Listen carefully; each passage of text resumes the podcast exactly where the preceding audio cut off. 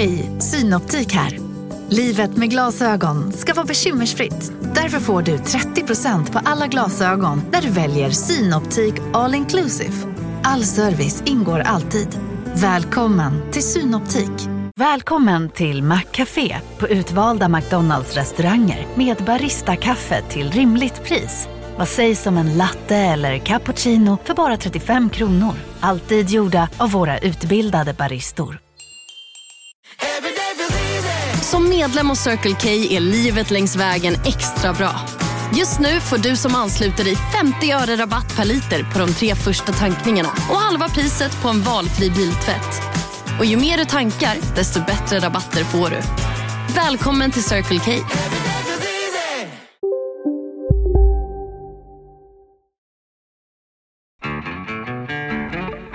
Lördagsgodis med Elving och Ringart.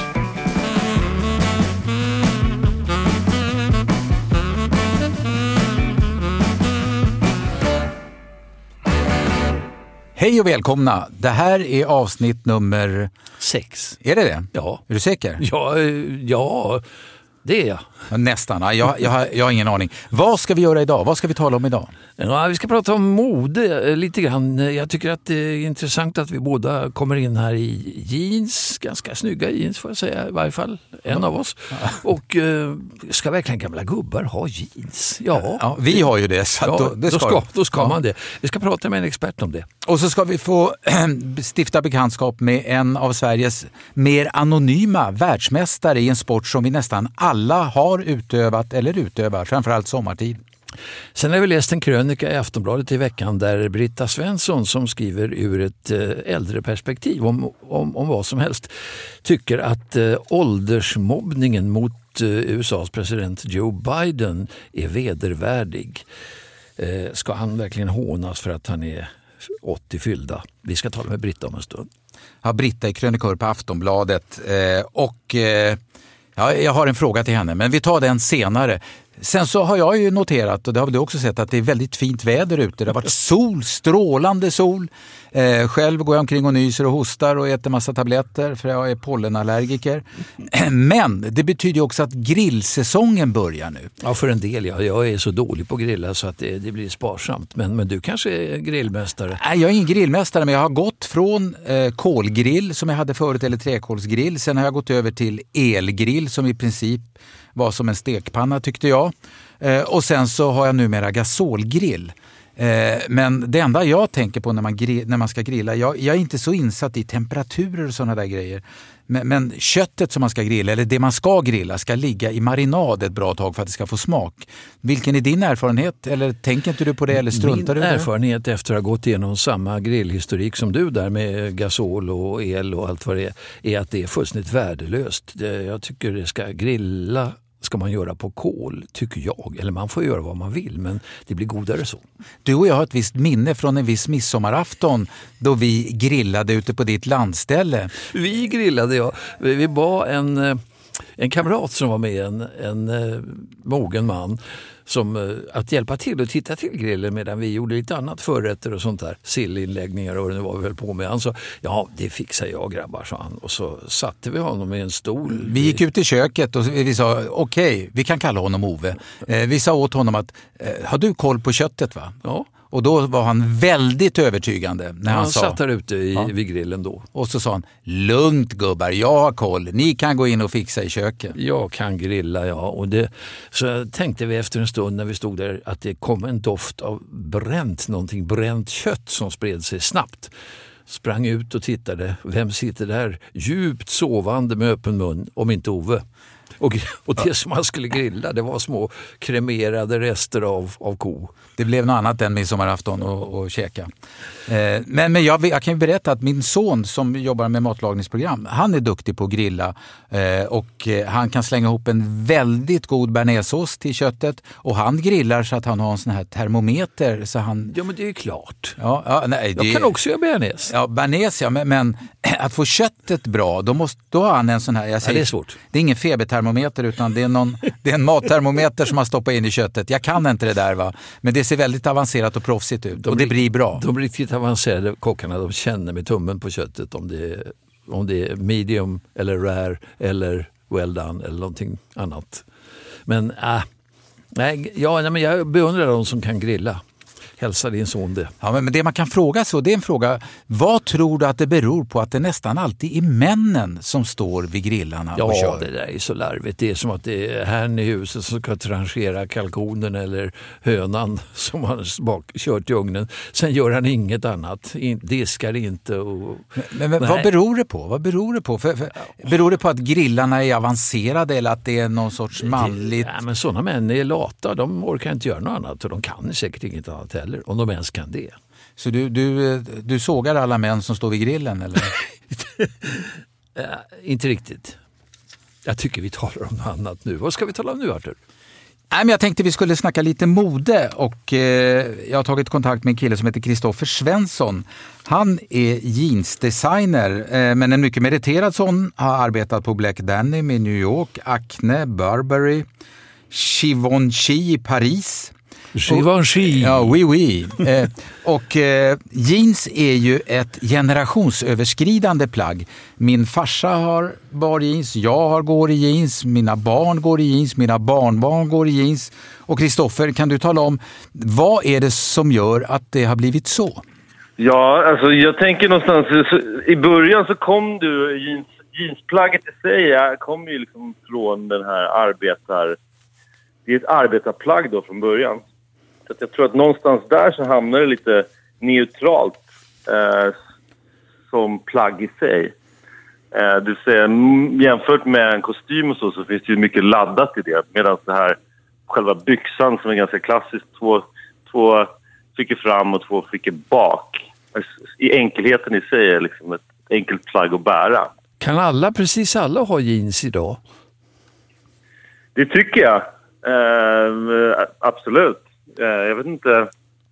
Jag tycker, jag tycker att det är ett sånt gå till-plagg så att eh, det är, det är liksom enkelt på alla, alla sätt och vis. Mm. Men, men jeans är inget arbetarplagg idag eller? Eh, för när jag var ung för länge sedan, då stod man i kö för att köpa jeans i en affär som hette Gul och Blå och det var tajta jeans, det fanns inga fickor på dem. De var väldigt utsvängda och de kostade 69,75 tror jag styck och folk stod i kö för att handla de här. Vad är det som har gjort att det har blivit modeplagg tror du? Eh, alltså, jag tror att just från den tiden så, så kändes det som att det var, fanns väl, det låg mycket i tiden att det var också den looken man ville åt någonstans. Sen så tror jag att det finns, att det inte är så laddat och förhållandevis billigt eh, som plagg när man, man kan köpa in sig i själva modeådran hos olika varumärken men du kanske inte behöver investera lika mycket. Så just där så tror jag det finns en tillgänglighet också. Eh, men då kan jag fråga mig, eh, för bara något år sedan eller två så gick ju folk omkring på stan med trasiga jeans. Det var ju hål överallt och de jeansen var ju svindyra. Eh, vad, vad är det som skapade det modet? Att man, trasiga kläder? Hålen som var dyrast. Precis, då tror jag, där tror jag handlade om ett antimode. Det var någonstans att man skulle gå emot att, att de här stora kedjorna sålde jeans, jeans så, pass, så, så pass billigt. Det fanns ju de här varumärkena som hette Cheap Monday i Stockholm som var... Tanken var från början någonstans att det var så pass billigt att man skulle kunna köpa det på en måndag nästan. Nu, nu får vi inte syna min jeanshistoria på just det, men just i samma veva så tror jag att det här antimodet då var att man skulle... Då kom det från kanske Los Angeles, att istället så var det håliga jeans, superdyrt, så att det blev det blev nästan ouppnåeligt åt den andra sidans håll. Men du, Kristoffer, även om alla kan ha jeans idag så kan väl inte alla ha trasiga jeans? Hur skulle det se ut om, vad skulle du säga om Artur och jag kom med jeans med hål i? Alltså, det vore ju intressant. Ni kanske, ni kanske öppnar, dörren, öppnar dörren till en ny marknad där kanske? Ja, just det. Vi testar. Ja, precis. Men du, vad är det för... Man, inte ska, man ska inte vara rädd. Nej, vi är inte rädda för det då. Vad är det för skillnad på dyra och billiga jeans? Det kan ju skilja enormt mycket. Absolut, och det där är nog lite det är svårt att mäta ut på många sätt. Jag tänker att de stora kedjorna, de köper ju i större kvantiteter så bara där kan man ju få ner mm. priset i slutändan så att det blir billigare. Mm. Sen så är det ju också tygerna i sig som, som väljs är ju också lite beroende på kvalitet av bomull och det finns ju priser redan på den sidan. Eh, men som när det kommer till hur de sys eh, och så jobbar ju alla fabriker mer eller mindre på samma sätt.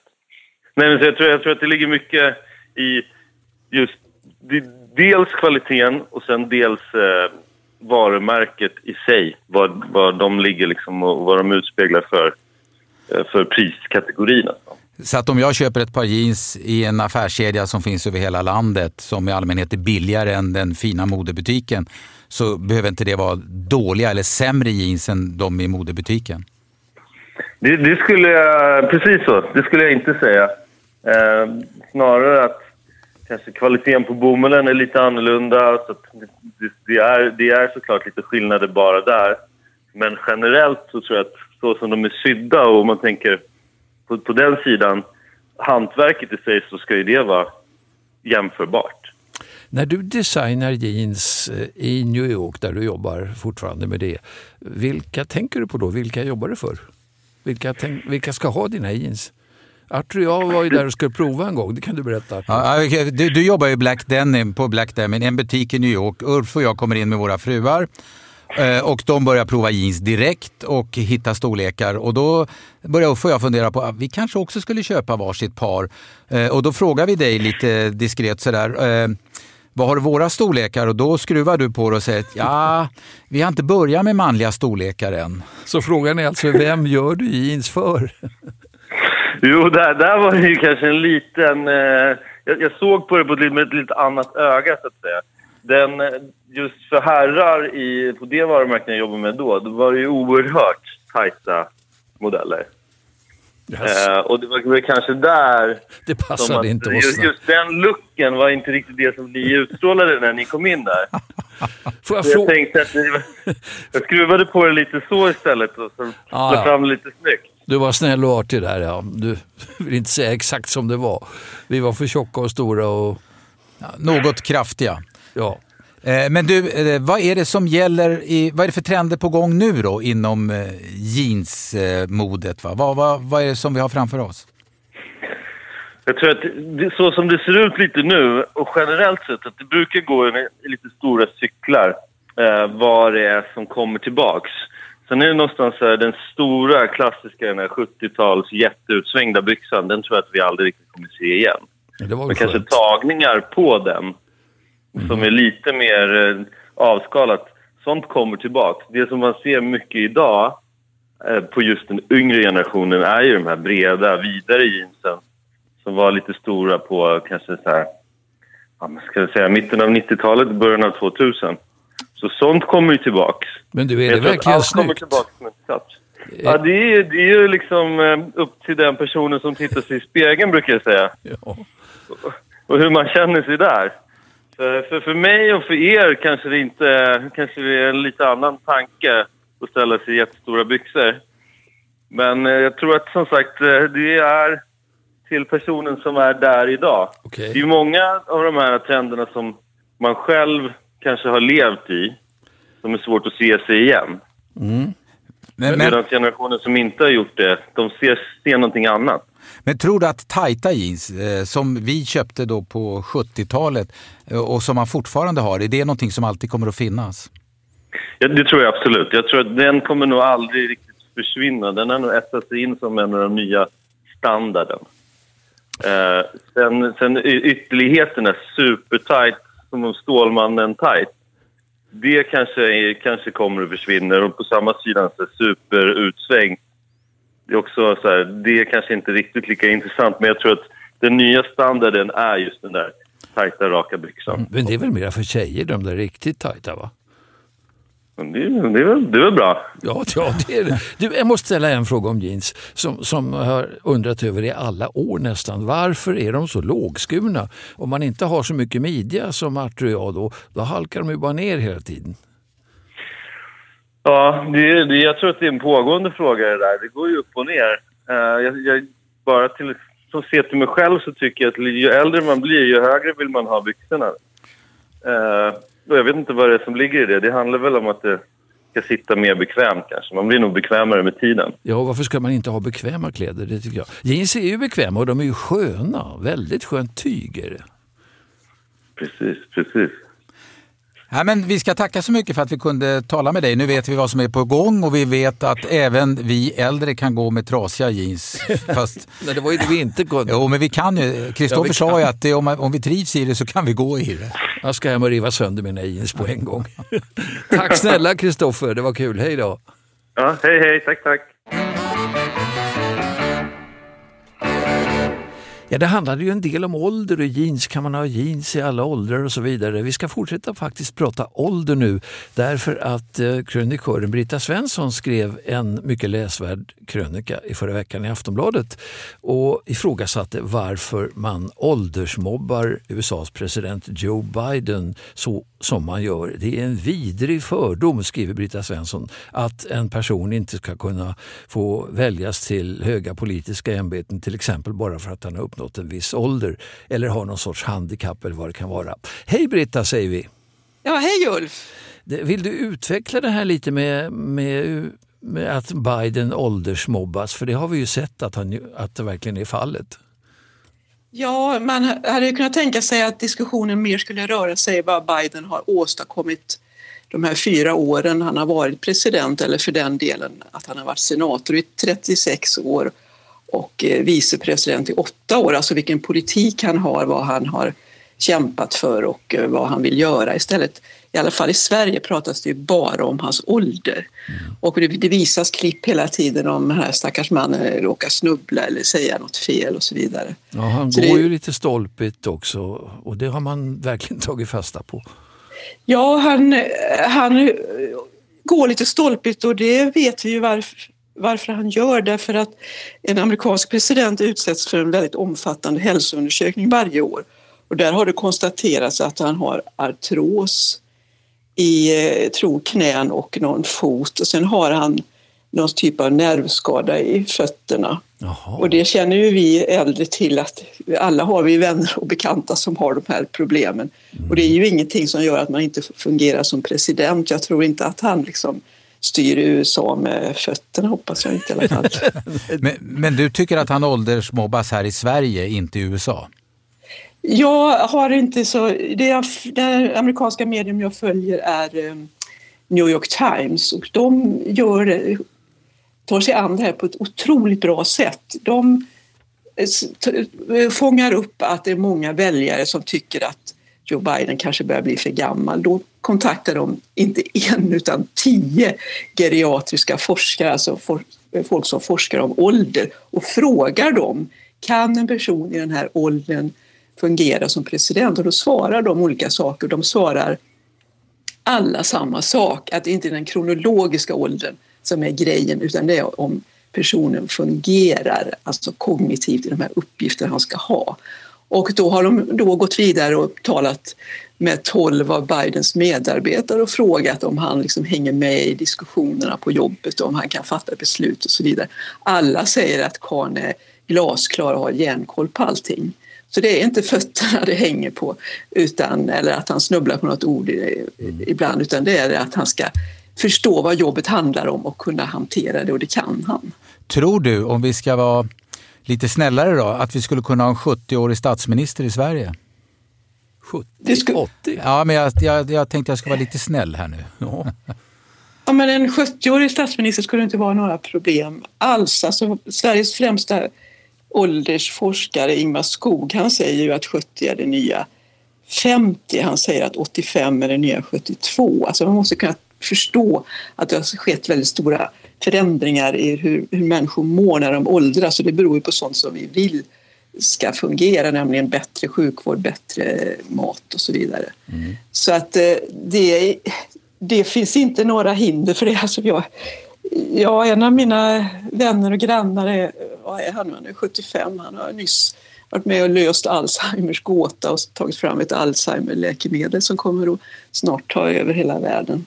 Jag menar, det finns inte några spärrar på det sättet. Det är bara det att i Sverige är vi så fixerade vid den här siffran 65. Mm. Att när du är 65 ska du hälsa hem, då ska du bort. Varför har det blivit så just i Sverige då? Det är för att vi ganska tidigt fick den här pensionsåldern och när vi fick den då var ju medellivslängden lägre än 65. I USA har du, har du inte alls den här fixeringen vid just den här siffran. Så det är jättevanligt att speciellt eh, journalister, läkare, advokater, den kategorin människor jobbar väldigt länge. Det finns ju många kända journalister som jobbar bra bit, tills de är en bra bit över 80. Ja. Så att det är väldigt stor skillnad mellan Sverige och USA på synen på äldre arbetande människor.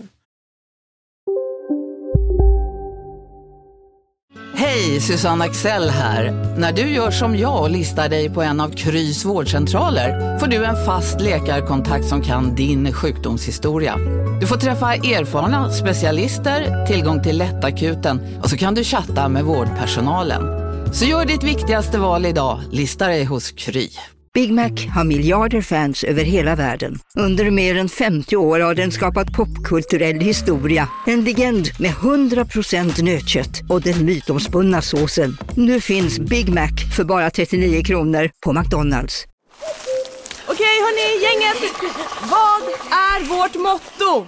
Allt är inte som du tror! Nej, allt är inte alltid som du tror.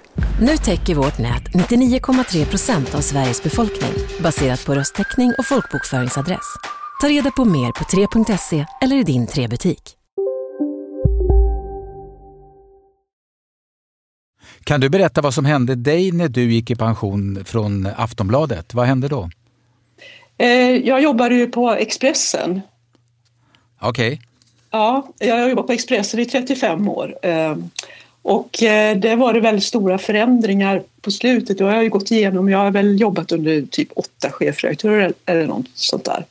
Så jag kände liksom en sån här förändringsmättnad eller trötthet på slutet.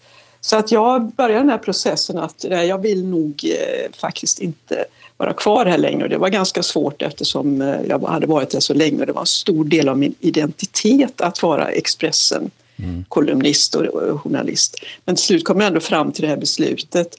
Och sen då jobbade min dotter i Thailand med, med sin familj, bodde hon där. Så då åkte eh, jag och min man dit i några månader och när jag kom hem så ringde Aftonbladet, alltså min konkurrenten, den andra tidningen och sa eh, vi tycker det är så roligt att du skriver på Facebook om ditt pensionärsliv så vill inte du bli krönikör hos oss? det var en jättebonus. Jag hade inte förväntat mig något sånt erbjudande alls. Så, jag har gjort det här sedan mars 2020. Eh, det är en intressant karriär. Du beskriver den själv i din senaste krönika, karriär som musikskribent, kvällstidningsreporter, USA-korrespondent och pensionärskrönikör. Och det, I den senare egenskapen får du väldigt mycket reaktioner va? Väldigt mycket. Alltså jag började, jag hann skriva en kolumn innan pandemin bröt ut. Ja. Så då kastades jag in i detta att bli den typ enda personen i svensk press som tog de stackars 70-plussarnas parti, för de skulle ju bara stuvas undan och gömmas och kallades för äldre släktingar som vi inte får träffa längre. Alltså jag var ju tvungen att följa allting som hände kring pandemin och behandlingen av äldre. Och det bara, det bara liksom strömmade in mejl från människor som satt isolerade runt om i Sverige och inte fick träffa sina barnbarn och som blev illa behandlade och som blev utskällda när de gick för att de skulle handla. Och folk sa du, ska, du är så gammal, du ska sitta inne, har du inte hört det? Alltså så att jag blev en sån enorm, det var ganska eh, arbetsamt att få hela den här eh, bördan och alla människor som hörde av sig. Men det var ju bara att kämpa på. Sen kom ju vaccinet och då skulle ju alla 19-åriga eh, hälso, hälso och sjukvårdsstuderande få sprutan före 70-plussarna. Då, då var jag tvungen att granska hela den här vaccinhanteringen också. Du för ju i dina krönikor eh, de äldres talan och du talar för en tredjedel av Sveriges befolkning faktiskt. Känns det som att du är en ropandes röst i öknen då när du är nästan ensam om att anlägga de här, den här vinklingen på saker och ting? Det har blivit väldigt, väldigt mycket bättre. Alltså innan jag gick i pension så var jag på något seminarium på mm, någon statlig myndighet där det listades tio kommande eh, yrken och ett av dem var oldfluencer. Jag tänkte aldrig på det sen men jag halkade ju faktiskt in på detta framtidsyrke oldfluencer. Sen har det kommit till senaste året tycker jag väldigt många fler eh, röster. Kanske inte så mycket eh, i tidningar och andra medier men forskare och andra personer som börjar prata om de här sakerna. Eh, så att det har ju kommit upp mer i fokus. Jag önskar ju till exempel att Dagens Nyheter borde skriva mer om äldrefrågor och ha någon äldre kolumnist också. Tycker du att det här är kul? Det är fruktansvärt kul. Det, alltså jag har ju jobbat, som du sa, de här 35 eh, åren. Jag har jobbat väldigt mycket med grova brott och följt alla de här rättegångarna med Alexander och morden på de små barnen i Arboga och mm. sådana här fall. Eh, det har varit väldigt eh, intressant och spännande men bitvis väldigt tungt. Det här är bara lustfyllt.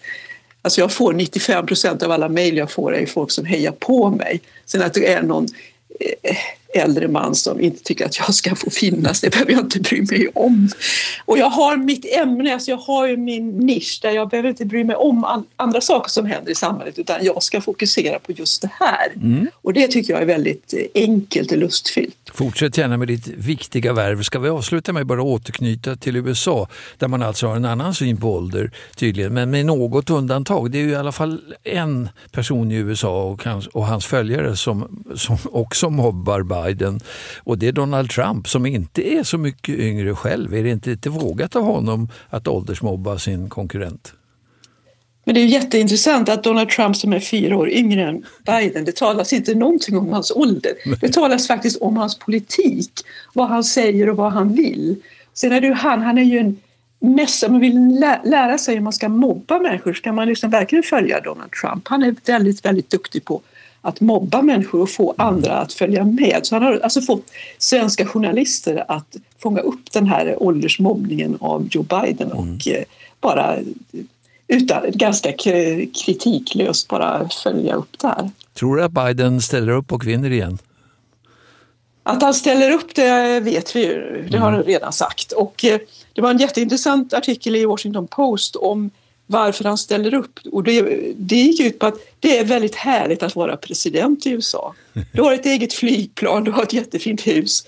Du, alla människor gillar att träffa dig. Det, det är alldeles för härligt för att man ska eh, säga nej till en chans till. Och Biden har ju ställt upp tidigare i president eh, i primärval och aldrig lyckats bli presidentkandidat så detta är ju hans livs dröm. Mm. Men sen om han vinner eller inte, det får vi ju se. Alltså han vann ju väldigt stort över Donald Trump förra gången. Han fick mer än sju miljoner fler röster. Så han har ju en väldigt bra chans att vinna en gång till. Vi får se hur det går med det. Vi tackar dig så väldigt mycket. Nu ska vi släppa dig för du ska ha middag ikväll vet jag. Ja, nu ska jag tända grillen. ja, lycka till med det. ja, tack ska du ha. Tack Britta, hej. Hej tack, hej.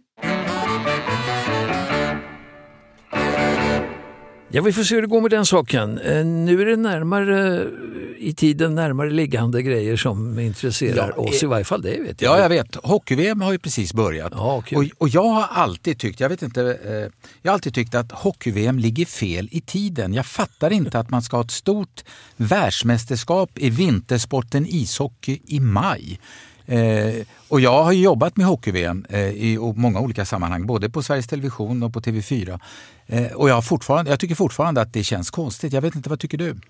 Jag har sett hockey-VM eh, under palmerna och en stekande sol på Gran Canaria faktiskt. C-gruppen gick i Las Palmas för ett antal år sedan. Jag tittade på ett par matcher där.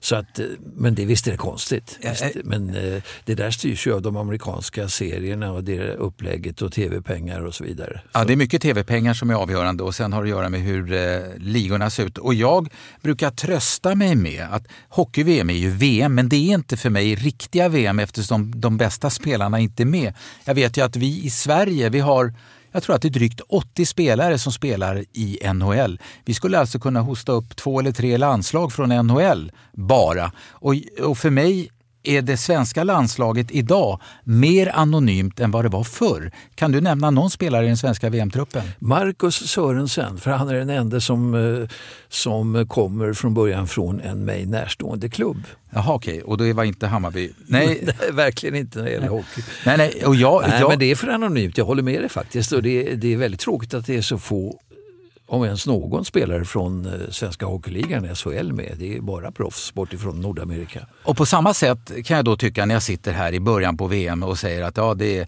hockey-VM i maj, vem bryr sig? Och är det så intressant i sol ute?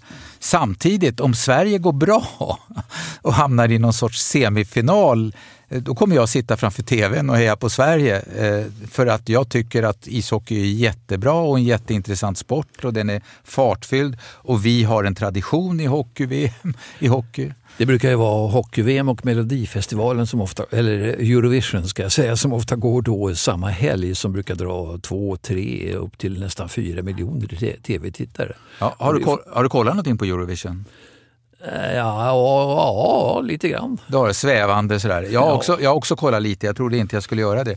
Men, men eh, det är ganska anonymt där också. Ja, jag, jag tycker det. Och det är, det är väldigt mycket dansnummer och show. Och, och... Men man ska inte gnälla hela tiden. Man läste, jag läste nu tidningarna, vissa tidningars betyg på de låtar som tävlar nu idag, om det är lördag när du lyssnar på det här, det är lördag när vi sänder det här. Det, är minus och det är ett plus eller en geting och det, det är en väldigt snobbig attityd tycker jag mot den här typen av musik. Ja, nej, nej, jag, eh, och jag vet inte vad det beror på. Jag sa det i vår förra podd att jag vill ju ha en hederlig gammal slager. Va? Det är vad jag saknar.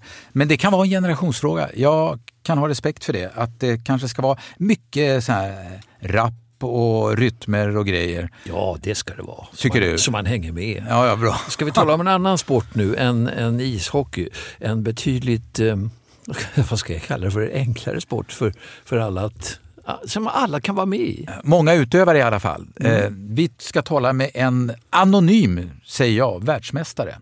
Hallå! Carl-Johan Ryner här. Hej, du är världsmästare, regerande världsmästare i bangolf, eller som vi andra säger minigolf. När blev du det? Eh, 2019 var senaste gången. Eh, och eh, är det svårt att bli världsmästare i en sport som minigolf eller bangolf? Kräver det mycket eh, av dig som spelare? Ja, det är ju väldigt mycket precision och även om bollen ligger still till skillnad från många andra sporter så det gäller ju att upprepa rätt rörelse hela tiden. Så det, det, krävs en hel del träning. Se, senaste gången så har du, har du flera VM-medaljer.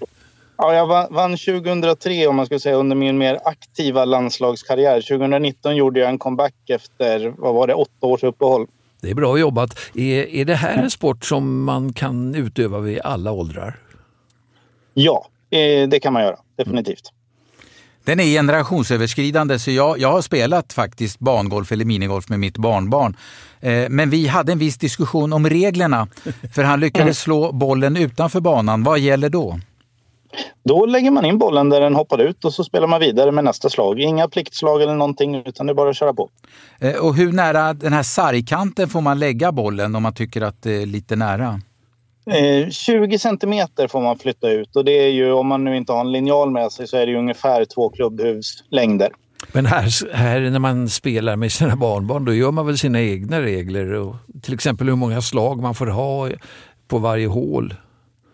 Ja, man kan ju göra det och då tycker jag att barnbarnen ska ha färre maxtak. Men annars är det sju, sju slag som gäller. Man, man har slagit sitt sjätte slag, då tar man upp bollen och så skriver man sju i protokollet. Inte åtta, tio eller något annat sånt där, utan sju slag är max. Eh, nu ska ju du försvara din VM-titel i augusti i Uppsala. På vilket sätt förbereder du dig?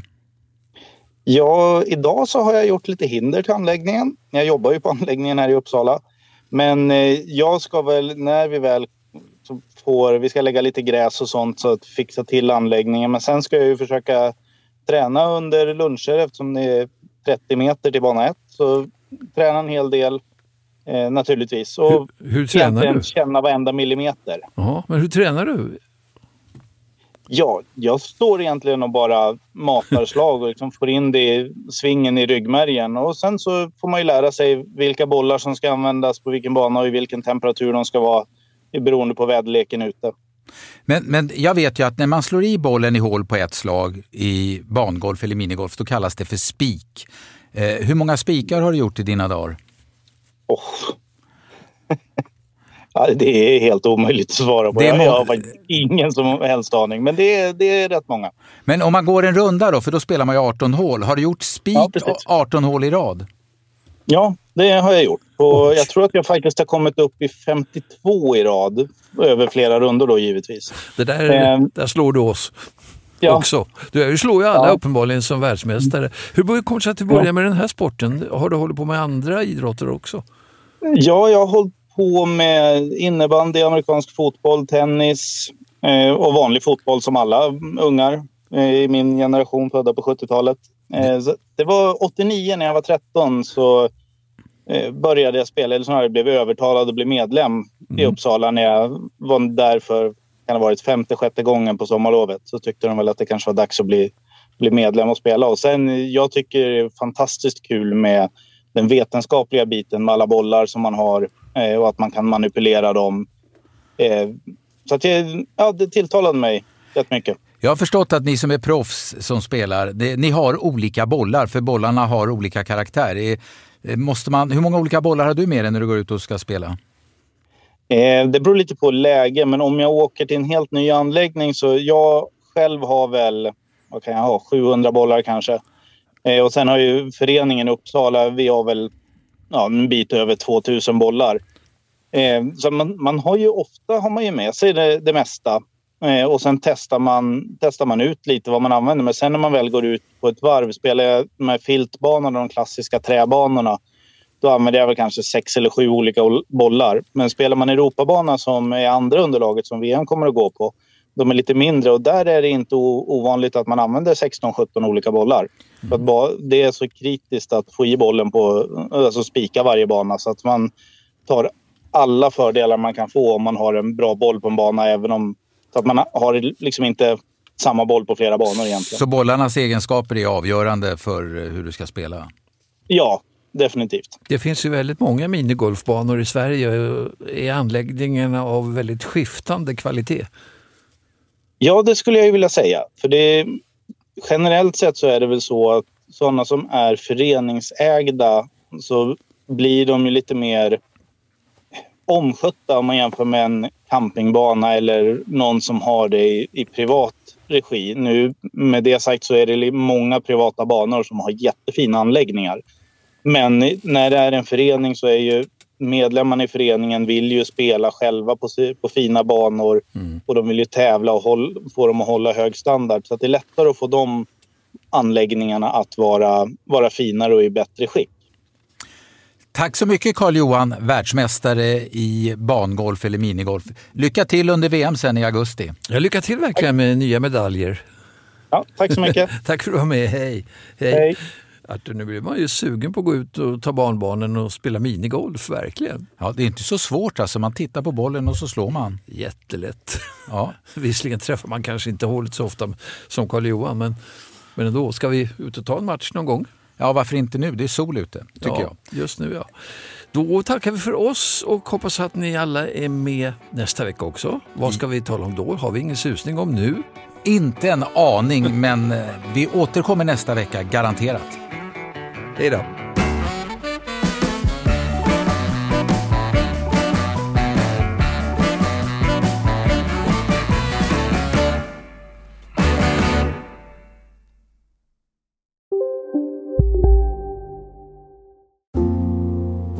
ska några små tassar flytta in hos dig. Hos Trygg Hansa får din valp eller kattunge 25% rabatt på försäkringen första året. Läs mer och teckna djurförsäkringen på trygghansa.se. Trygg Hansa, trygghet för livet.